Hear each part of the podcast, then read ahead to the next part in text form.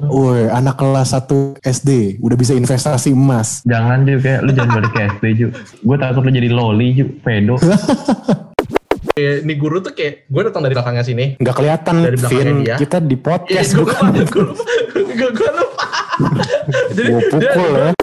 Makanya kenapa Junik nilai Mandarin ini lebih kecil daripada ukuran sepatu dia? Iya, iya. susah sebenarnya gitu loh. Dan Taiwan punya tuh lebih susah, lebih najis. Wah, lebih bisa belajar hieroglif daripada bahasa Mandarin.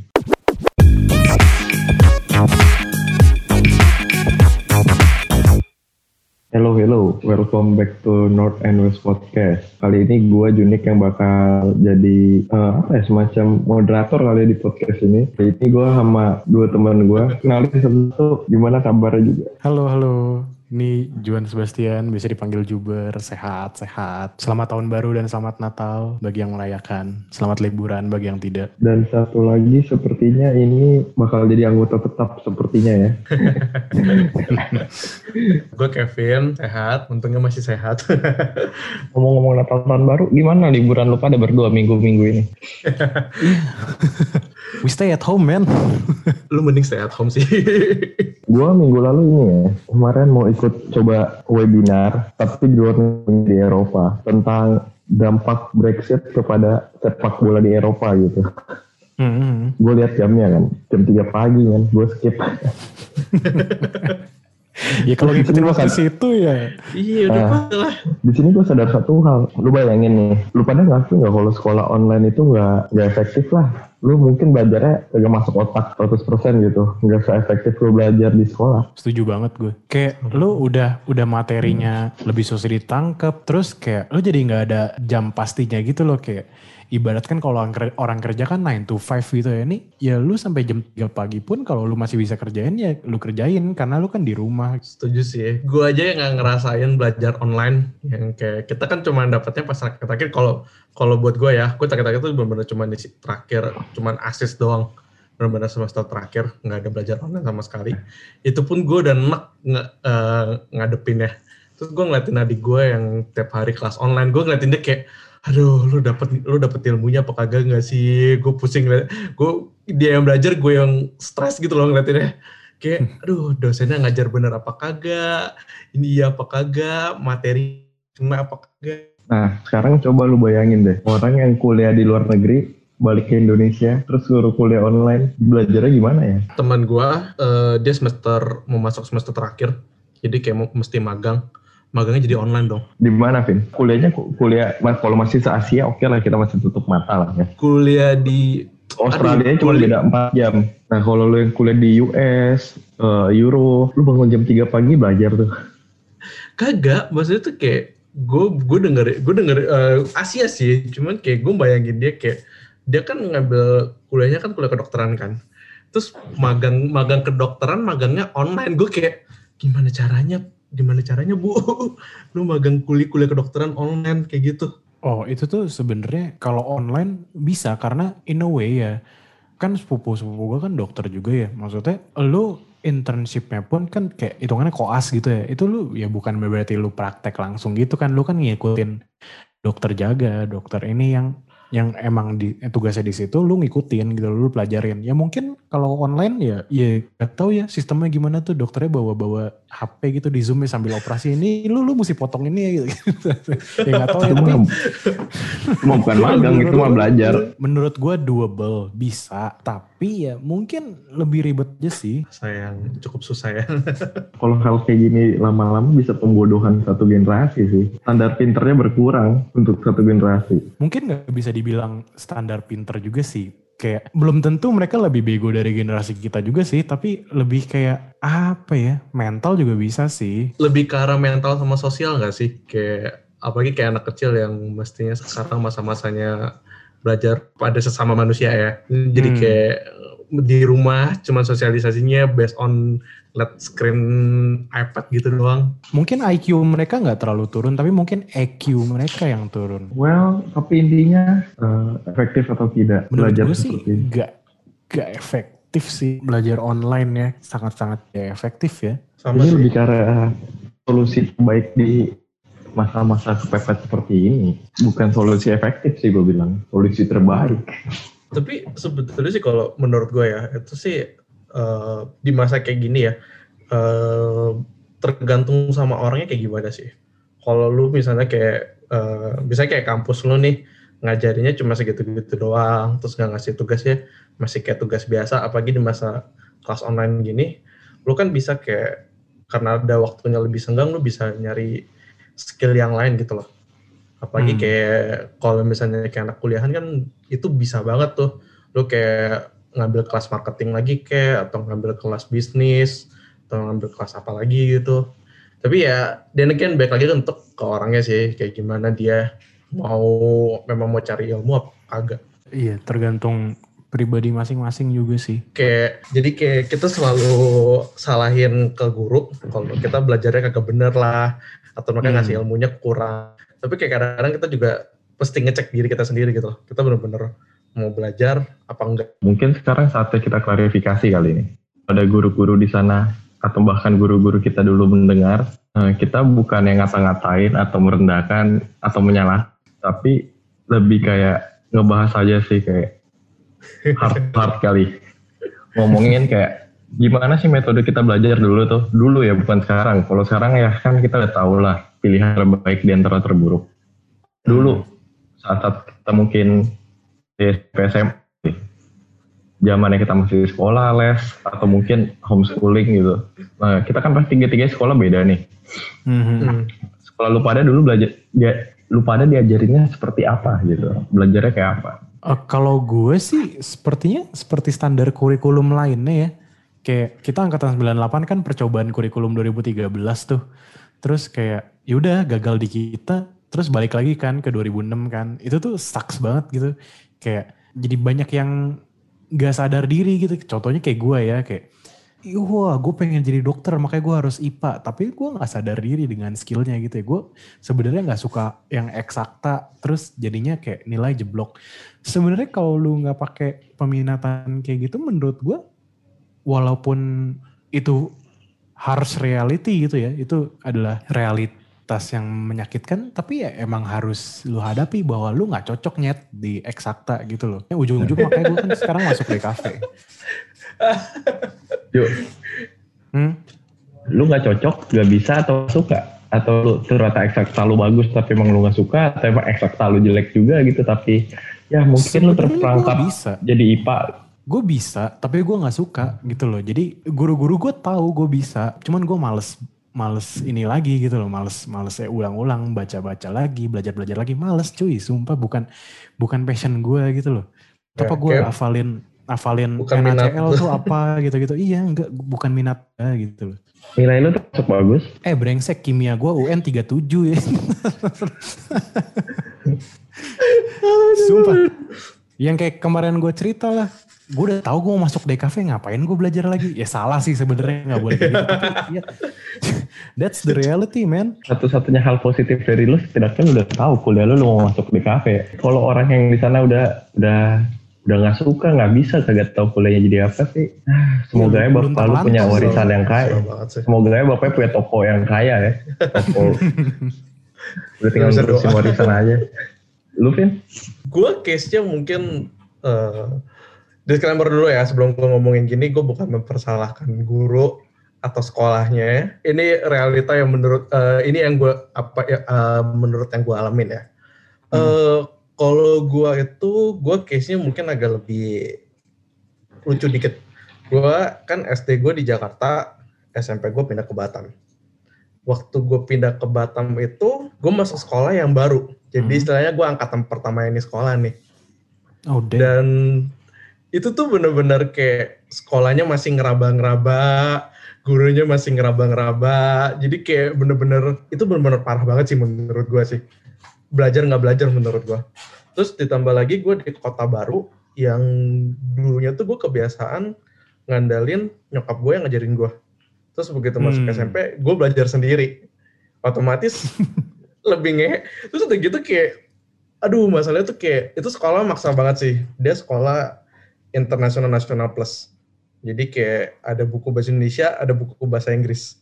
Dan buku hmm. bahasa Inggrisnya itu benar-benar full kayak kamus yang tebal banget gitu yang after three years tetap aja nggak habis tuh buku yang gue sampai kayak apa gunanya beli buku mahal-mahal anjing dan itu tuh banyak banget yang kayak menurut gue uh, gurunya cuma masuk sekedar gue biar dapat duit tapi dia juga nggak tahu apa yang mau dia ngajarin di situ. Hmm. Uh, hokinya gue ketemu beberapa guru yang memang mereka passion buat ngajar dan mereka ada niat buat ngajarin anak-anaknya dan di situ untungnya gue gue masih belajar dan uh, gue inget banget tuh gue masuk tahun terakhir tuh nilai gue bener-bener berantakan banget. Istilahnya nilai gue ini kalau mau di ke mana-mana susah banget deh. Udah parah banget. iya jeblok. Terus udah gitu kayak kan angkatan pertama nih nggak mungkin dong tuh, se- tuh sekolah nggak naikin nggak naikin kita semua. Bener-bener. ada yang ada yang nggak naik itu pun cuma satu.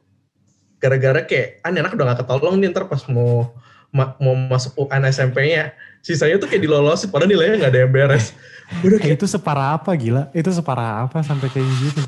itu parah banget dan lu nggak tahu pas U antar UN-nya itu UN atau UAS ya gue lupa namanya sebutannya Hmm. UN-nya tuh kayak banyak banget kayak lu tau lah di sekolah tuh kadang-kadang ada tipe-tipe cewek yang yang bicis-bicis gitu loh yang kayak dia eh, kayak ini gerombolan cewek yang kayak gue gue own nih satu sekolah nih terus kebetulan memang salah satu dari gerombolannya tuh ada yang kayak anak bupati gitu gitulah pokoknya mereka tuh Aduh, kena benar-benar duduk deh.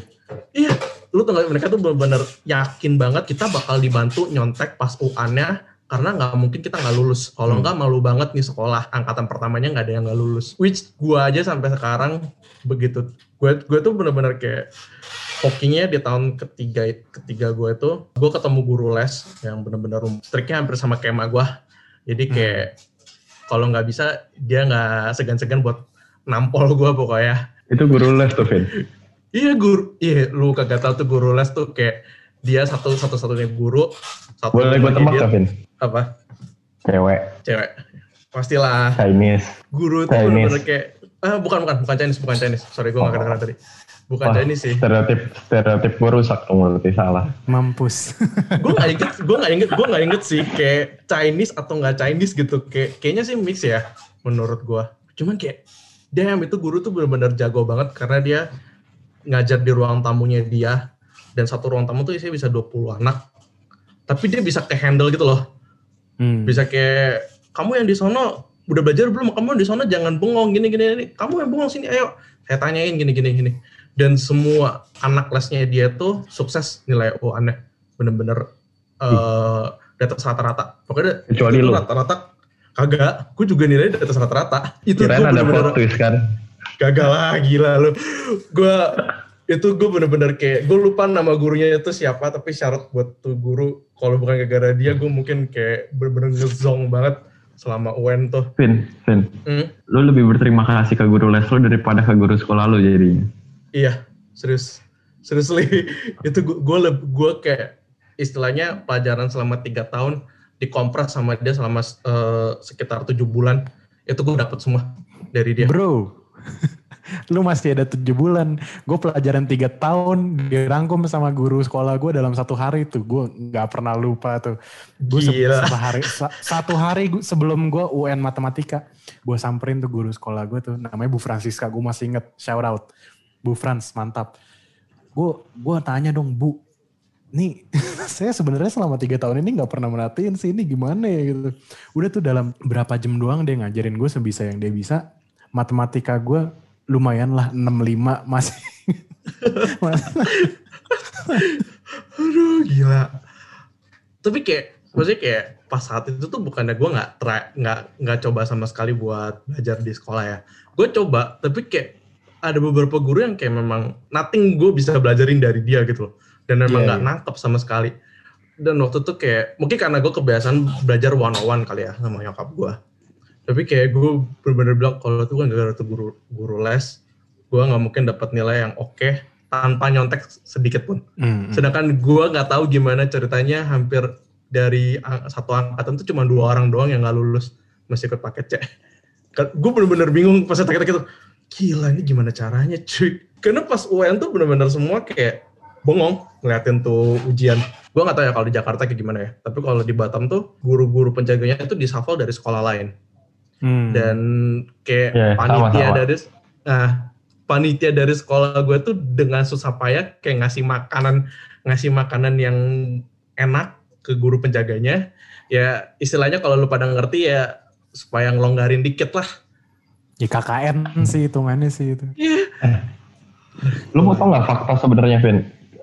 gue baru tau ini dari guru gue juga ya, waktu gue SMA.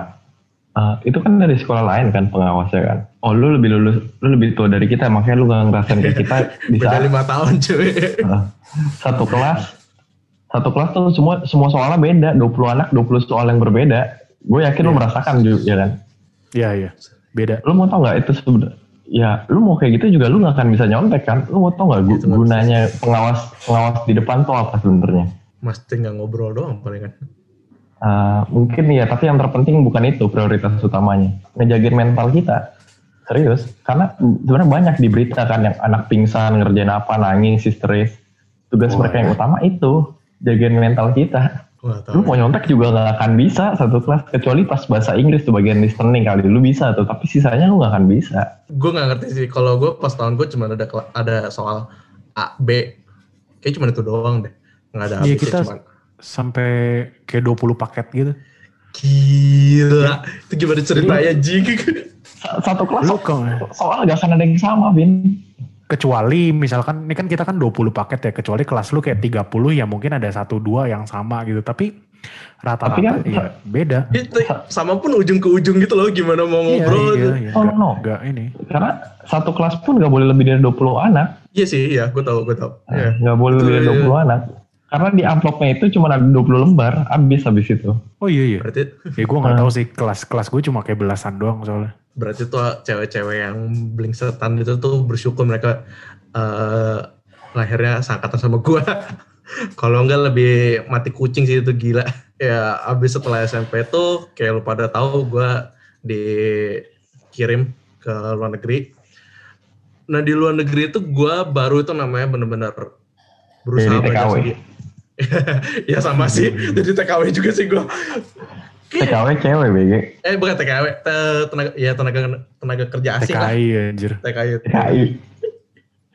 jadi kayak gimana ya? Hmm, lu waktu gue mulai dari kelas bahasa deh. Kelas bahasa tuh basically semua pelajaran bahasa Mandarin bahasa Mandarinnya basic. Kayak di Indonesia kan ada pelajaran bahasa Indonesia kan. Di Taiwan tuh ada pelajaran bahasa Mandarin jadi gue mesti belajarin dari TK eh, kalau gue mau naik SMA eh, ke SMA berarti gue belajar, mesti belajarin ke SMP selama satu tahun Eh, Vin, soalnya tuh setahu gue Taiwan tuh dia masih pakai yang ini ya. Ada ada beberapa yang masih pakai traditional spelling gitu kan ya, bukan yang simplified gitu ya. Ya, tradisional.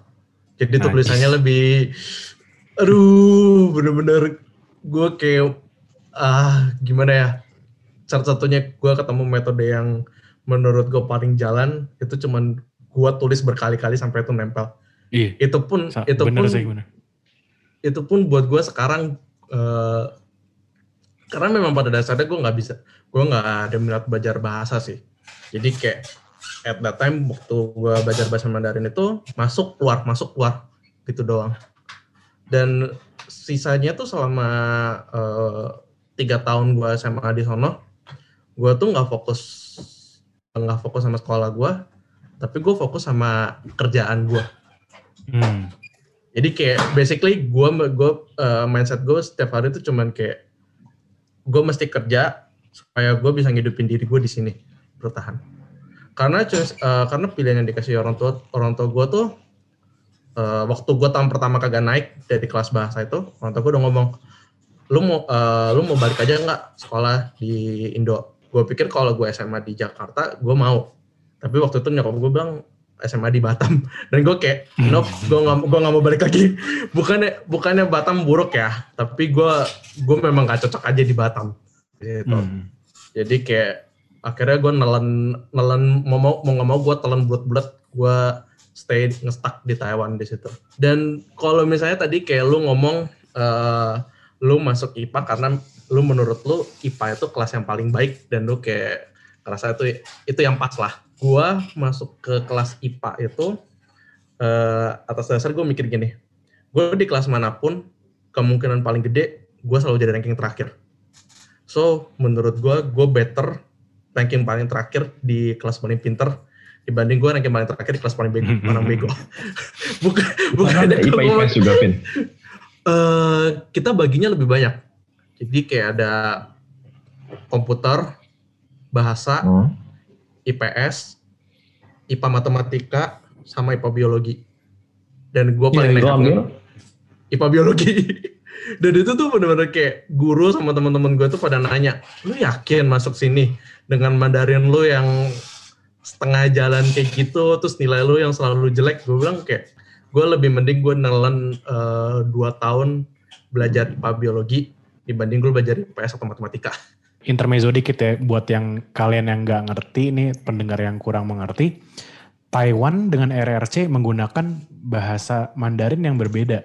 Sorry, ralat, bukan berbeda, tapi penulisannya agak berbeda karena in Taiwan mereka masih menggunakan a traditional spelling di mana garis-garisnya tuh sangat lebih ribet dan lebih kompleks daripada yang kita pelajarin di sekolah-sekolah dulu nih yang kita pelajarin kayak oh wow tulisannya begini bla bla bla gitu. Itu itu itu namanya simplified dan itu menurut gue udah susah gitu loh. Makanya kenapa Junik nilai Mandarin ini lebih kecil daripada ukuran sepatu dia ya, ya susah sebenarnya gitu loh. Dan Taiwan punya tuh lebih susah lebih najis itu kayak aduh. Nih, gue tambahin dikit nih ya. Eh, bentar, Mandarin. bentar. Gue mau ralat bentar nih. Yang tadi nilai Mandarin gue. Lu mau tau nggak seberapa nilai Mandarin buruk nilai Mandarin gue? berapa? Gue lebih bisa belajar hieroglif daripada bahasa Mandarin. Lu tau hieroglif gak? brengsek Lu kalau ke Mesir lu lihat ukiran-ukiran burung, eh, orang, sawah itu namanya hieroglif tuh yang di piramid-piramid di batu-batu. Gue lebih bisa belajar itu daripada belajar bahasa Mandarin. Iya, iya karena because it's that hard gitu loh belajar Mandarin tuh sebenarnya. Ya nggak tahu ya mungkin kalau yang bakat ya gampang tapi Gak, traditional Mandarin is hard man. nggak segampang itu lu nggak bisa maksa lu nggak bisa maksain. Nih buat yang dengerin kalau orang tua ya lu nggak bisa maksain anak lu belajar bahasa. Dipikir kayak pokoknya kalau gua tanam di situ lama-lama tuh anak bakal nempel Mandarinnya kagak. Mau Yes. lu paksa mau lu paksain sampai lu telan tuh buku. Gua nulis gua nulis huruf itu gue ingat banget gua nulis huruf itu sampai satu kertas lebih satu kertas. Itu terus gak masuk masuk di otak gua. Karena kayak eh, contohnya nih gue ngasih tahu kayak gimana eh, gimana bedanya nih. Simplified tuh misalnya kayak huruf negara. Lu palingan cuman ngambil sekitar 5 lima goresan doang lah. Tapi Hmm. kalau di Taiwan tuh bisa sampai 7, 8, bisa sampai 10 gue lupa sih bro seberapa banyak sih. Dan ini pasti tuh benar-benar kayak Taiwan tuh jauh lebih susah dan ngomongnya aja tuh kayak kayak istilahnya kalau di Indonesia bahasa Jawa jadi lebih Aksara halus. Jawa, Bukan bukan bukan aksa- Maksudnya tuh- aksaranya atau bahasanya? bukan bahasanya bahasanya Ju. Oh, Maksudnya kayak- ya. Jadi emang emang it's a, it's a different type of language aja gitu loh. Bukan different sih maksudnya same but different gitu. kayak satu satu tuh istilahnya bahasa bahasa Jakarta. Kalau Cina tuh bahasa Jakarta, kalau Taiwan tuh bahasa Jawa yang lebih tradisional, lebih halus. Makanya kalau lu dengerin orang Taiwan ngomong tuh selalu lebih halus dibanding Hmm. orang orang Cina. Bener-bener setuju sih. Itu masih hal kecil yang kenapa bikin bahasa Mandarin tuh ribet. Masih banyak masih banyak hal yang bikin gue kayak tiap kali gue mikirinnya tuh kayak mau muntah. Makanya kayak sekarang gue gak mau terlalu nginget-nginget. Tapi tapi kalau yang opini lu, gue setuju sih. Maksudnya kayak dari tadi yang ditanya Junik metodenya gimana? Ya every children has their own methods gitu loh. Lu nggak bisa menjudge kepintaran seorang ikan dari kemampuannya memanjat pohon kan. Mungkin gue cerita dikit kali pengalaman gue juga kali biar biar afdol aja lah. Sometimes gue bingung ya, gue tuh eksakta gue tuh nggak pintar, serius. Hmm. Makanya gue dengan sukarela gue ngambil IPS, belajar sejarah, belajar geografi, belajar sosiologi, jauh lebih menarik buat gue. Pertama kali kita belajar fisika itu SMP kan ya, atau SD udah ada. Sebenarnya udah disisipin pas SD tapi bukan yang fisika mendalam gitu loh. Eh, ini jujur aja ya, gue dari SMP 1 ke SMP 3, fisika gue selalu remet. Dan gue ada gengnya tuh bertiga tuh. Ada gengnya empat orang lah. ya selalu. Gue ngerasain, gue ngerasain teman-teman Ini ibarat ya. Ini ibarat ya. Kalau gue berempat digabungin nih, ngerjain fisika bareng dosen gurunya bilang lu berempat berempat kerjain lah nyontek nyontek juga gak apa-apa lah asal gak, gak berisik tetap aja Iya iya iya. nol ya berempat nih kalau gitu Gue gue gue gue pernah ketemu tuh guru yang kayak udah udah hopeless banget tadi. Anak aduh gimana sih? Udah lu nyontek aja deh. But Sorry, problem gini loh kenapa Ju? Eh, sorry, can relate. Gue gue ranking 4 satu SMP gue tuh soalnya.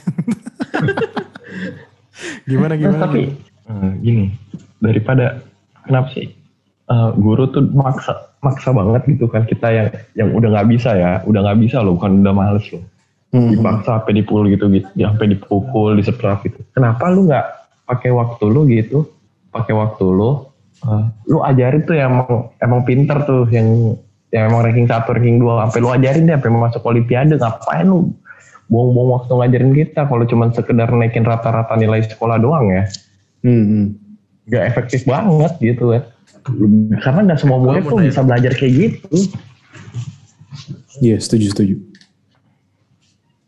bukannya gue bilang eh, sorry bukannya gue bilang eksakta gak penting ya tapi non eksakta juga penting juga Of course. Eh, karena eh, gimana ya dua-duanya harus sama-sama balance balance juga sih tapi jangan dipaksakan lah karena pelajaran non eksakta kayak sejarah geografi uh, sosial gue nggak tahu deh sosiologi mungkin non eksakta hitungannya PLKJ gitu-gitu. Itu kan jawaban-jawaban yang eh, jawaban-jawaban yang argumentatif ya. Yang karena kan gue percaya di, tidak semua hal di dunia ini tuh bersifat tidak semua hal di dunia ini bersifat pasti. Tapi banyak hal juga yang bersifat pasti dan absolut. Makanya eksakta penting kalau ya tapi kayak masa harus dipaksa gitu juga sih. Kalau menurut gue sih ya, ya lu nggak harus memperdalam pelajaran eksakta, tapi at least you know the the gist of it gitu loh. Lu, lu tahu basic-basicnya sedikit lah, itu nggak masalah gitu loh. Bukan berarti karena gue nggak suka eksakta dan gue nggak bisa eksakta, gue bodoh amat masa bodoh amat gitu loh. Indian ya, ya lu tetap butuh basic knowledge of it gitu loh. Sama halnya dengan kebalikannya, lu sebagai anak IPA, lu nggak bisa nganggap remeh IPS. Lu juga harus punya basic knowledge of ilmu-ilmu sosial gitu loh. Indian gue bukan bilang eksakta nggak penting ya kalau kita kalau orang banyak yang eksaktanya males-malesan bodoh-bodoh gitu kita belum mendarat sampai bulan kali Iya Tapi makanya. menurut Ya, gue kita belum ada listrik itu- ada wifi kayak gitu itu kali balik lagi ke guru. Ya, gue bukan salin ke guru ya. Tapi kayak eh, guru itu semestinya bukan tugasnya cuma buat ngajar doang, tapi inspirasi eh, muridnya buat belajar dan ngerti kira-kira nih murid nih sampai sebatas apa nih bisanya. ya itu mungkin itu mungkin yang kurang kayak guru di sini tuh nggak mungkin nggak nggak tahu atau nggak peduli ya kalau eh, ini anak batasnya semana sih itu yang mereka nggak tahu eh, pokoknya ini anak harus bisa kayak harus bisa harus Di bisa harus Asia ada bisa gitu. kebiasaan kayak no standar eh, standar by book mesti kayak gini dan semua orang mesti ngikutin by book. Sedangkan kayak kalau eh, misalnya di kita ngomong kayak di negara Amerika ya, hal-hal kayak kadang-kadang tuh nggak ngikutin by the rule gitu loh. Kayak kadang-kadang jawaban yang masuk akal aja tuh masih dikasih poin sama itu. Tapi kalau di kalau kayak di Indonesia tuh kayak kita ngasih jawaban yang masuk akal tapi nggak ngikutin caranya Hmm. terus nggak Nah. partially nggak bener-bener jawaban bener pasti langsung kayak dicoret nol. Oh, begini, begini, begini. Sebelum kita ganti topik, gue mungkin nambahin dikit kali. Eh, kalau lu sekolah di sekolah pakai kurikulum internasional gitu-gitu, contohnya nih kayak pertanyaannya gini, kalau mungkin di sekolah biasa kita ya, eh, kapan perang Padri dimulai, tanggal berapa? Lu harus jawab tanggal per, percis itu tanggal berapa. Tapi kalau lu di sekolah internasional, mungkin pertanyaannya kayak gini nih. Eh, sebut eh, jelaskan dalam seribu kata kenapa perang Padri bisa dimulai dan kenapa lebih baik itu tidak terjadi dan Eh, atau mungkin itu bisa terjadi ya, lagi dari lebih kan argumentatif pernah gitu loh yang sekolah Hmm. biasa sekolah nasional sama sekolah yang internasional plus. Menurut gue eh, itu balik lagi ke sistem sekolah sama gurunya sih. Bukan eh, kita nggak bisa bilang kayak sekolah internasional mindset di satu sekolah itu bakal beda. Nggak juga karena mindset di sekolah gue ya menurut gue pas gue pindah ke sono yang bikin beda dari sekolah SMP ini ke sekolah SD gue bedanya di sekolah SMP ini ada buku ada buku biologi sama fisika yang bahasa Inggris sedangkan di sekolah gue yang dulu kagak ada udah gitu doang dan kayak mindsetnya guru-gurunya tetap sama sama palingan cuma ada nambah guru dari Filipina doang itu pun cuma beberapa. Oke, eh, sekarang gue mau nanya. eh, Sebenarnya kita pelajari ini ngefek gak sih ke kuliah kita gitu loh? Ngaruh nggak ke kehidupan kuliah kita gitu? Ya mungkin karena kita bertiga di sini anak desain semua, gue bisa bilang eksakta nggak terlalu berpengaruh. Tapi nggak tahu kalau di kamp- eh, di fakultas lain ya, di jurusan lain. Dari lu Mungkin lebih Karena- mu- Hmm, hmm, hmm. saudara lu banyak yang saudara lu kan banyak yang dokter nih. Gua rasa dia pasti ke- keterbalikannya kita gitu. Eksakta bagi dia lebih penting. Eh, eh, actually gue bisa berkata bahwa FK tuh bukan bukan ini ya, bukan eksak, bukan pure eksakta karena Indian lu tetap ketika lu eh gue lupa anamnesis ya atau apa itu, ketika lu menganalisa pasien gitu ya, lu you have to trust your gut tuh gitu loh kayak sometimes jawaban tertentu lu nggak bisa langsung lu hand out to that patient gitu.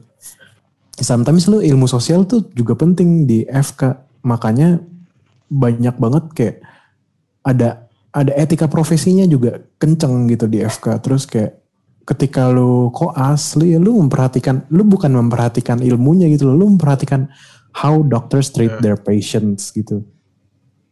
Bagaimana cara mengkomunikasikan penyakitnya gitu supaya dia Mm-mm, kagak mungkin kagak langsung nangis di ruangan, kagak langsung Mm-mm. shock, kagak apa. sometimes itu yang diperlukan gitu loh. Bukan bukan hanya ilmunya gitu di FK gitu ya. Kalau itu sih yang gua yang gua tahu itu tapi kalau kita sebagai anak desain sih eh, ke eksakta sih Iya. paling ya buat ngukur kertas dan lain-lain sih Ya, itu, ya itu kepake di, itu kepake di minggu pertama kuliah doang ya. Aduh. Bikin ukuran Iya. kotak tiga kali tiga sembilan biji. itu doang yang kepake. selebihnya lah ya elah buat apa gue belajarin Hmm. Sel gitu-gitu bodoh amat Eh, anjir mungkin karena gue begitu gue udah eh, kalau dulu pas gue SM, eh, SMP sampai SD gue bener-bener perhatiin biologi banget karena gue mikirinnya waktu itu oke gue kayaknya mau ngambil in- eh, antara gue mau jadi ilmuwan atau kedokteran pokoknya antara dua itu makanya gue konsen banget ke biologi gue tapi begitu kayak gue pindah SMA keluar gue kayak oke ini bahasanya udah nggak kena gue nggak mungkin bisa pelajarin biologinya jadi at that time gue kayak aduh ini udah gak mungkin cuy. Terus um, at that time gue cuman gue cuman tahu gue udah uh, udah bersusah payah di negara uh, di luar negeri bertahun-tahun. Gue nggak mau ngulangin hal yang uh, gue nggak mau ngulangin hal yang sama di kuliah. Gue nggak mau belajarin sesuatu yang gue nggak demen gitu. Jadi uh, pas masa SMA itu basically yang gue pelajarin itu adalah gue belajarin diri gue sendiri kira-kira belajar yang cocok itu kayak gimana diri gue lebih ke arah kayak gimana terus sense gue ke art itu kayak gimana itu yang lebih gue konsenin sih selama, basically selama tiga Hmm. selama empat selama lima tahun di situ itu gue lebih konsen buat ngembangin buat ngembangin art gue dibanding gue belajarin yang technical kayak banyak IPA-nya kayak gimana Hmm. ini kayak gimana karena kalau misalnya ditanya lagi sekarang pelajaran IPA biologi pelajaran biologi IPA yang SMA gue udah nggak inget gue usah nggak usah inget sih pas pas lagi bela pas lagi belajar ini gue bingung ini apaan kalau nggak temen gue bantu translate Iyalah. sih gue udah bingung tuh iya nggak usah Hmm. Yang penting biologi bab 2 ya Vin ya bagi lu ya. Rata-rata bab 2 kan kalau di Indonesia biologi. Eh, enggak enggak gue ya, bab kalau 6 tuh gue tuh memang Oh, dari awal sistem reproduksi Ya, kagak bukanlah gue lebih mau masuk ke bagian Ya lu dokter kelamin kan maunya kan. shit man please dikat dong. Pantesan fetish lu ular ya. Gak sih memang kayak eh, Menyembuhkan menyembuhkan ada saudara. hal yang menurut eh, eh, kayak ngeliatin ilmu biologi itu ngeliatin kayak ilmu biologi binatang itu ada sesuatu yang menarik buat gua. With all respect ya dengan semua guru dan semua mata pelajaran yang gue yang gue pelajari di SMA yang kepake di hidup gue mau sekarang tuh bahasa Inggris, bahasa Indonesia, sosiologi, geografi, sejarah, Loh, ilmu oke, komputer lah. Kayak enam itu doang deh. ya basic basic banget math sih matematika tuh perlu banget sih soalnya Ya, ya Udah basic math untuk lu ngitung daily, iya. Tapi kalau lu suruh cari X, kayak udah nggak udah nggak mungkin deh di kuliah sih. Tergantung lu nyari x pakai rumus apa ya kalau lu pakai Kalau yang logaritma gitu ya, ya mungkin nggak kepake. Tapi basic aljabar sih kepake menurut gue. Oh, tapi itu udah- itu- rumus Pythagoras doang aja. O- OT lah itu, OT, OT. lanjut, lanjut. Nah, pakai Brandly gue kalau cari X. Halo nih, kita dikasih kesempatan untuk mengulang masa sekolah kita. Apakah kita mau lakuinnya? Dan kalau mau di di apa ya tingkatan ke berapa ya kita mau mengulanginya? SD, SMP, SMA? Menurut lu pada mending kita ngebayanginnya sambil kayak Kalau ingatan kita dihapus atau ingatan kita tetap gitu. Gue Tetep gue SMA, sih. jujur. Oh, Oke, gimana Even kalau dari lu? eh, menurut gue itu masa kelas gue kelas internasional cuy. Jadi kayak Cewek Taiwan cakep, jarang banget ada orang Taiwannya malah kayak nggak ada lagi sama sekali. Lebih tepatnya kayak kumpulan an- eh, kumpulan anak-anak luar semua. Yang kebanyakan kalau nggak orang Thailand orang Indo. Kita jarang-jarang dapetin ya Ba- kagak cuy. Banyak banget orang Indonya. Buset dah. Oh, banyak orang Indo. kalau misalnya Gua pikir lu orang sendirian, yang dari, Vin. datang dari sekolah gue ya balik ke Indo terus Mandarinnya kagak Mandarinnya tetap kagak bagus ya kayak gue nih contohnya. Karena ya di sana banyak orang Indo. Gue bakal bilang SMA karena meskipun SMA masa yang menurut gue masa yang benar-benar paling susah buat gue. Karena basically gue eh, gue mesti lebih konsen kerja buat ngidupin diri gue di sendiri di sono dibanding ngurusin kuliah. Cuman itu masa-masanya benar-benar seru banget. Karena kayak eh gue temen yang gue dapetin di sono tuh bukan temen yang sekedar lu kayak ketemu kalau lu ketemu di SMA kan kayak di sekolah ya udah ketemu di sekolah terus sudah gue itu tinggal bareng sama temen-temen gue juga gitu loh. Kayak satu as satu asrama. Dan itu tuh kayak jadi kayak gue bener-bener tahu banget seluk beluknya mereka kayak gimana jelek buruknya kayak gimana di kamar tuh kayak gimana. Dan menurut gue tuh bener-bener momen yang eh, seru banget sih di situ dan eh, gimana ya kayak pengalaman kayak dari Hmm. umur segitu gue udah udah ada tanggung jawab buat nyari duit. Itu benar-benar kayak bikin perspektif gue memang jadi kebiasaan gitu loh. Sampai sekarang gue eh kalau gue bisa milih gue lebih milih pakai duit gue sendiri dibanding pakai duit orang. Meskipun orang itu keluarga keluarga yang ngasih duit ya gue lebih better kayak gue lebih better pakai duit gue sendiri. Sama em, mungkin Lu- itu Oh belum belum sorry sorry. pertama dan terakhir kalinya gue bener-bener eh, pengalaman mabok berat pas gue SMA udah Memalukan bangsa dan ya, negara kita- mabuk di gue negeri. sama luar. temen gue kayak gerombolan gitu rame banget kayak nyewa villa sih terus kita minum di sono Oke, kalau lu Ju, mau, ba- mau balik gak ke masa-masa lu dulu? kalau mau ke mana? Oh, kalau mau balik sih gue mau ke SD. Gile lu. Dengan dengan eh serius serius dengerin gue nih. Dengan pola pikir kita yang udah kebentuk kayak begini. Kita balik lagi ke zaman kita SD. Buset, anak jenius cuy. Sumpah, lu waduh gila. Lu woi, anak kelas 1 SD udah bisa investasi emas. Jangan Ju, kayak lu jangan balik ke SD Ju. Bahaya. Takut lu jadi, gue takut lu jadi loli Ju, pedo.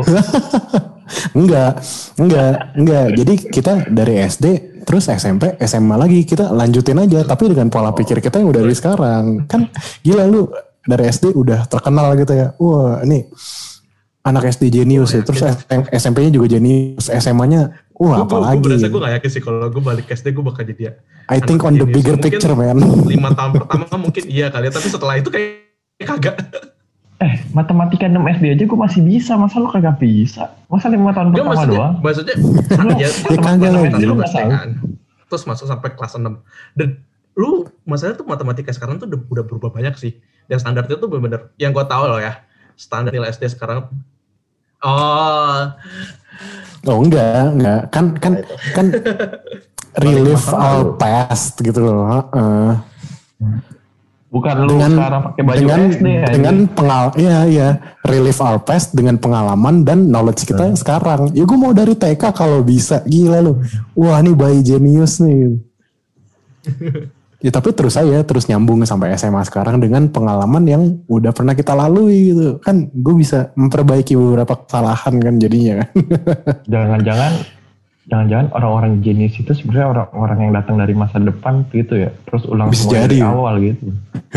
Cuman mereka dituntut untuk gak boleh sebarin kali. Bener, bener, bener. kalau gue berpikirnya jauh lebih simpel. Nggak nggak sebigat lu Ju. Gue pengen balik ke SMP gue Hmm. dengan ingatan dan nyali gue yang tetap gue berada sekarang ya. gue pengen bacotin lagi guru-guru gue yang SMP yang maksa-maksa gue gue pengen gue pengen tanya-tanya balik pertanyaan yang dia nggak bisa gue jawab nah lu nggak bisa kan ini kan mikir dia mau mukul gue kayak dia nyesel deh Iya, tapi iya sih. Maksudnya, iya, gue mau sih maksudnya, iya, iya. Bayangin aja anak TK bisa kungfu gitu lu, gila sih. Iya, iya makanya sama seperti yang kayak Junik bilang lah. Sometimes we want to go to the past. Ya, bukan cuma untuk nostalgia gitu. Kadang ya, kayaknya ngebayangin something yang bisa kita lakukan berbeda, kayaknya bisa bisa menyebabkan masa depan apa masa kini tuh berbeda aja gitu loh. Oh. Ya, sometimes ada something yang Lu kita tahu regret seberapa, gitu. seberapa panjang list yang kepingin Balas gue kayak itu gua manis bacotin lagi. Yoi. gue sebetulnya ada satu cerita lagi sih, tapi gue gak tahu ya. Ntar kalau misalnya menurut gak pas, bisa di-cut aja gak? Jadi kayak, em, pokoknya tentang guru, gue Hey, mau sebutin yang, cerita tentang apa dulu? yang eh, SMP atau SMA. Jadi eh, basically gue kayak ke ruang guru buat manggil nih guru. Terus eh kayak nih guru tuh kayak gue datang dari belakangnya sini. Nggak kelihatan, Dari belakangnya Vin. dia. Kita di podcast Iya, gue lupa, gue lupa, gue, gue lupa. jadi pukul ya. gue kayak gue kayak gue kayak datang dari dep- eh, jadi kayak eh, komputer dia, terus gue datang kayak dari dari komputer gitu loh. Jadi dia yang bisa ngeliat, tapi gue gue nggak bisa ngeliat layar komputernya. Lu Cuman porno gue ya tuh anaknya kan instan. lu nggak porno ya Apaan? Bokep lu ya, bokep. Enggak. Bukan. Gua tuh datang nyamperin gurunya, gurunya yang lagi di depan komputer. Ngerti kan? Jadi kayak gua tuh begitu datang, langsung gua manggil Pak, dipanggil ke bawah, acaranya udah mau mulai. Terus gua langsung, gua nggak ngeliatin dia, gua langsung nengok eh, layar komputernya dia. Dan ya kayak lu bisa tebak lah layar komputernya tuh up, isinya apaan. Dan itu tuh kayak bener-bener kayak gue habis selesai tuh eh gue lumayan agak kayak bingung gitu loh kayak gue mesti ngapain ya karena gurunya shock gue juga shock dan itu masalahnya kayak di masih di sekolah dan dia pakai komputer sekolah di situ Iya. Birahi tidak mengenal waktu, Bray. tapi itu kayak gue udah mati gue gila nih guru eh nekat banget buka kayak ginian di sekolah cuy Oke, sekarang kita eh, konklusi singkat aja ya. Dari Hmm. siapa nih? Dari siapa? Dari gua dulu boleh deh. Nah, Vin, konklusi lu jangan lama-lama, Vin. Sampai bikin room, biar bikin room maaf ya maaf maaf cerita gue panjang Iya, kalau dari gue sih konklusi singkatnya adalah nikmati ya satu kalau itu satu kata itu nikmati gitu loh. Maksudnya di setiap eh, apa level hidup kita iya sometimes emang ada something yang kita nggak bisa ubah gitu. Ada beberapa hal yang kita nggak bisa kontrol over it dan ya udah it is what it is. Emang harus kita nikmati aja gitu enjoy the ride. Karena ya siapa yang sangka gue jadi anak desain gitu. Maksudnya ya ya udah enjoy the ride aja gitu loh. Dan always do your best sih. Stay in school kids. Eh konklusi gue eh nikmatin lah masa-masa sekolah itu. Hmm. meskipun kadang masa-masa itu masa-masa yang ngehe tapi itu benar-benar jadi masa-masanya bakal lu kangenin ketika lu betul betul. Kayak bersetua banget. Shit bukan orang tua banget Eh, tapi serius serius lu nikmati selagi bisa. Kayak pod, nikmatin cuy lu. Kenapa kenapa Ju? kayak podcast kita didengar anak sekolah aja. anak kuliah anak kuliah anak kuliah.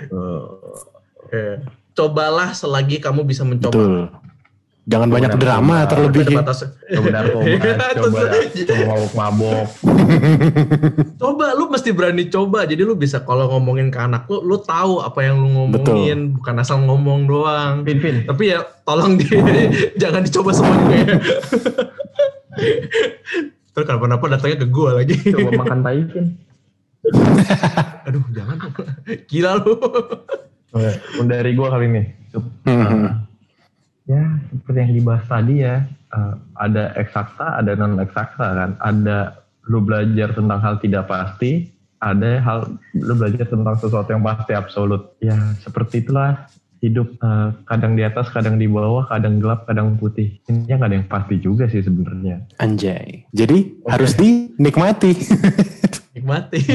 ya, ya bener-bener.